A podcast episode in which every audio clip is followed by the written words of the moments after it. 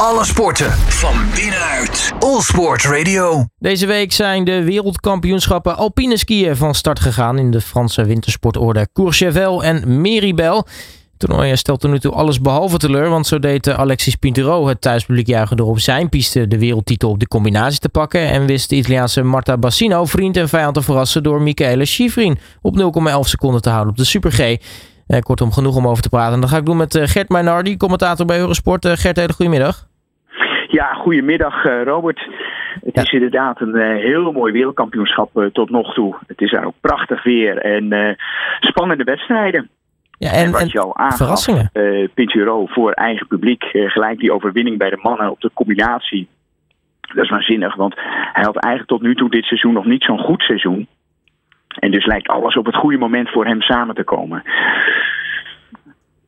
Ja, en dat over daarover gesproken. Dat is sowieso een bijzonder verhaal hè, voor ook uh, Alexis Pintero. Want uh, hij doet het juist op de piste waar zijn ouders ooit een hotel of nog steeds een hotel beheren. Ja, dat klopt nog steeds. En daarom had hij zich ook ongelooflijk op dit wereldkampioenschap verheugd. Een paar jaar geleden won hij de wereldbeker overal. En daarna had hij eigenlijk een beetje een dipje. Toen moest hij ook wat ja, zich weer opladen. Als je zo in de spotlight staat, ja, dan, eh, dan vreet dat ook energie. Zo'n seizoen daarna had hij wat moeite. En ook dit seizoen had op de Super eh, G nog maar één overwinning kunnen boeken. Maar op de Reuzenslaan bijvoorbeeld eh, nog niet op het podium gestaan. Super G had hij een podiumplek, moet ik zeggen. Een derde plek, dus geen overwinning. Maar, dus het ging nog niet zo goed. Ja, en dat het dan op het goede moment samenkomt is fantastisch. En inderdaad, uh, Courchevel, eigenlijk zijn thuispiste en dan, dan doet hij het gewoon. Ja, dat... Had trouwens uh, gisteren op de Super G had hij ook nog weer een medaille. Het was het brons. Dus ja, eigenlijk begint het voor hem ideaal. Maar voor hem dus eigenlijk een, een topkampioenschap. Maar eigenlijk kan het ook niet anders. Hè? Als het gewoon voor jou, ja, het, het, is waar je al vanaf kinds af aan skiet. Ja, maar de druk is natuurlijk enorm. En misschien juist wel omdat het dit seizoen nog niet zo lekker bij hem ging, heeft dat misschien wat druk weggenomen. Want wat je best wel vaak ziet, gisteren ook uh, een van de favorieten was Marco Odermatt. Die zat net naast het podium op de Super G bij de mannen, die werd vierde. Ja, die, heeft, die was de topfavoriet. Die had al uh, dit seizoen op de Super G meerdere wedstrijden gewonnen.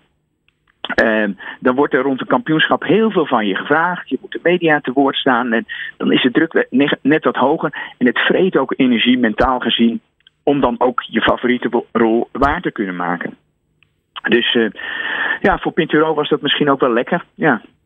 Je noemde al uh, de, zijn brons op de, de Super G. Uh, de winnaar daarvan, James Crawford, dat is, nou ja, we hadden gisteren, of we hadden eerder een verrassing met, met, met Bassino. Maar dit is toch echt wel misschien een nog grotere verrassing. Want nog nooit een wereldbekerzege, wel drie keer podium. En dan gewoon even wereldkampioen worden. Ja, dat klopt. Voor velen verrassing. Onder de skiers wisten ze hoe snel hij kon zijn. En hij stond dit seizoen ook al op de afdaling een paar keer op het podium. En op de Super had hij een paar keer bij de wereldbekerwedstrijd dit seizoen wel ergens een foutje gemaakt. Dus zijn medeskiers die zagen wel, nou, dat is een jongen met wie we rekening moeten houden. En wat ik net al zei, je ziet het vaker bij wereldkampioenschappen of ook bij Olympische wedstrijden. Bij Crawford was het gewoon gaan en, en, en maar zien waar hij op uit zou komen. Niet al te veel druk. En dan kom je vanuit de schaduw rustig, hoppakee, op het podium terecht. En uh, niet alleen op het podium, maar ook een overwinning. Dus uh, fantastisch. Ja, dat lijkt me nog toch lekker, dat je dan zonder uh, of met relatief weinig druk aan zo'n wedstrijd kan beginnen. Want het, het is dan inderdaad, nou ja, gewoon naar beneden zo hard mogelijk. En nou ja, als je een foutje maakt, maak je een foutje. Eh, heb je pech. Maar als het foutloos gaat, dan kun je zomaar eens een hele snelle tijd neerzetten. Ja, en het opvallende was ook. Eerst kwam Odemat gisteren naar beneden. Zette de snelste tijd neer. Daarna kwam Pinturo naar beneden. Ging, dook daaronder. Daarna kwam Kilde naar beneden, dook daaronder. En het verschil tussen Crawford en Kilde was maar 1 honderdste van een seconde. Ja, je zag Kilde ook even balen. Want een honderdste, dat is ongeveer uh, 30 centimeter aan, aan verschil. Hè, waarmee hij iets eerder over de lijn uh, uh, kwam dan Crawford. maar ja, die baalde. Maar daarna pakte hij zich ook. Want Kilde had nog niet eerder een medaille gehaald bij wereldkampioenschappen. Dus die was eigenlijk ook wel heel blij. Ja. Dan uh, Marta Bassino, uh, de andere grote verrassing. Uh, tenminste bij de Super G. Want ze heeft natuurlijk wel al een zestal wereldbekerzegers gehad. Maar nog nooit op de Super G. Um, ja, dan is het wel interessant dat je nou ja, na een wereldtitel in, in haar eigen Cortina, dan Petzo, toen met de parallelslalom, nu op die uitgerekende Super G wereldkampioen wordt. Ja, kijk, het, het, de, de, de Super G is, het, is altijd een fraaie discipline. Het zit qua uh, poortafstanden in tussen een reuzenslaan en een afdaling. Als de koorset net iets te technischer is, dus iets draaiender, uh, en het is een wat steilere piste, dan kan je je technische kwaliteiten ook goed op zo'n traject kwijt. dat geldt bijvoorbeeld ook voor, bij de mannen voor een Penturo. En voor Marta Bassino bij de vrouwen geldt het ook. Nou, zij, uh, uh, wat je al zei, ze is goed op de reuzenslaan. Maar als ze een topdag heeft en zij kan bij de Super G ook met een goede bezichtiging. Hè, bij de bezichtiging kijken ze hoe de poorten ten opzichte van elkaar staan. Dat doen ze al ruim voor de start. Als zij goed kan inschatten, daar moet ik zoveel risico nemen, daar wat minder risico, daar wat meer risico. Dan is zij daar ook goed in. En dat is ze natuurlijk ook wel gewend uit van, vanuit de reuzenslaan. Maar dan moet je het nog steeds doen. Dus dat is, uh, dat is fantastisch. Nou ja, Schifrin heeft dan ook haar, uh, haar medaille. Dus dat is ook mooi. Tweede geworden. Is trouwens de vriendin van Kilde. Dus beide hebben gisteren dan een zilveren medaille gewonnen. Dus eigenlijk is dat ook wel, uh, wel weer fantastisch. En dan hadden we bij de vrouwen op de Super G twee vrouwen op positie drie. Dus Hutter en Kasia Lee voor Noorwegen. En dat is natuurlijk ook fraai. Hoe meer mensen op het podium, hoe mooier eigenlijk. Hè? Ja, en dan mag je er vier op drie plekken neerzetten. Nou, dat is altijd natuurlijk uh, apart. Maar uh, het verrassende aan, aan Bassino was, of het aparte althans, uh, is halverwege had ze nog de 24ste tijd in handen. maar dan kom je op het onderste gedeelte van de piste. die scheen nogal wat ijzig te zijn, hè? Ja, en ik denk dat ze daar ook haar technische kwaliteiten heeft laten zien. dat ze daar de goede lijnen wist te pakken aanvallende lijnen. Maar de grens opzoeken, maar net niet eroverheen. Want je ziet er nog wel eens dat skiers te laag uitkomen in de lijn, dan een grote fout maken en één keer heel veel tijd verliezen. Ja, dat is natuurlijk mooi. Dat, uh, ja, dat dat kan gebeuren. En dus super spannend ook voor het, voor het publiek. Dus uh, ter plekke, maar ook voor de kijkers thuis natuurlijk.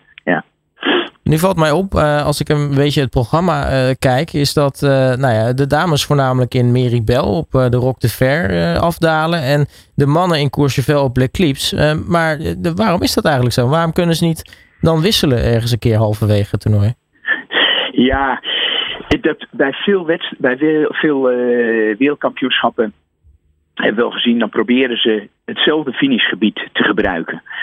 Uh, dus dan had je bijvoorbeeld aan de linkerzijde meer de piste van de mannen en aan de rechterzijde de piste van de vrouwen. Die kwam dan samen in hetzelfde finishgebied.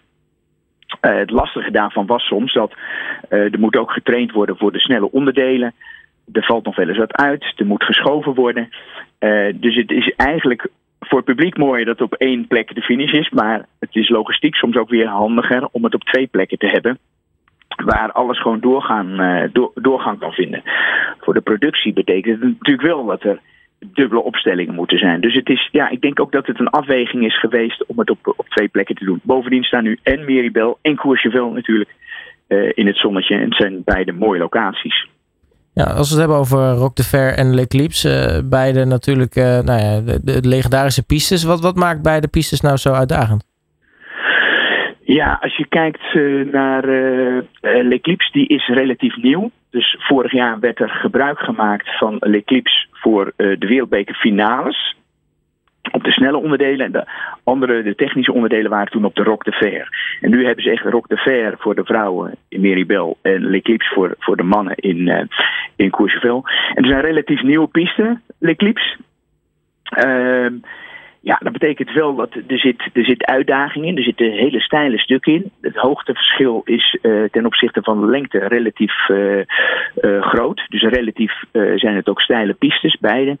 En ze liggen wel voor een groot deel in de, in de schaduw. Dus soms dan komt het zonnetje net even halverwege door. Maakt het voor de skiers wel wat lastiger om in één keer vanuit de zon weer de schaduw in te gaan.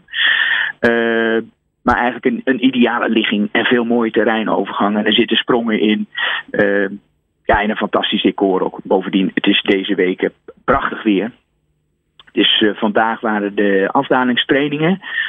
Dus uh, niet alle skiers zijn daar gestart, want hij hadden voor zichzelf ook nog uh, ietsjes rust ingebouwd. Morgen skiën de vrouwen de afdaling en hebben de mannen nog een afdalingstraining. En dan skiën zondag de mannen de afdaling.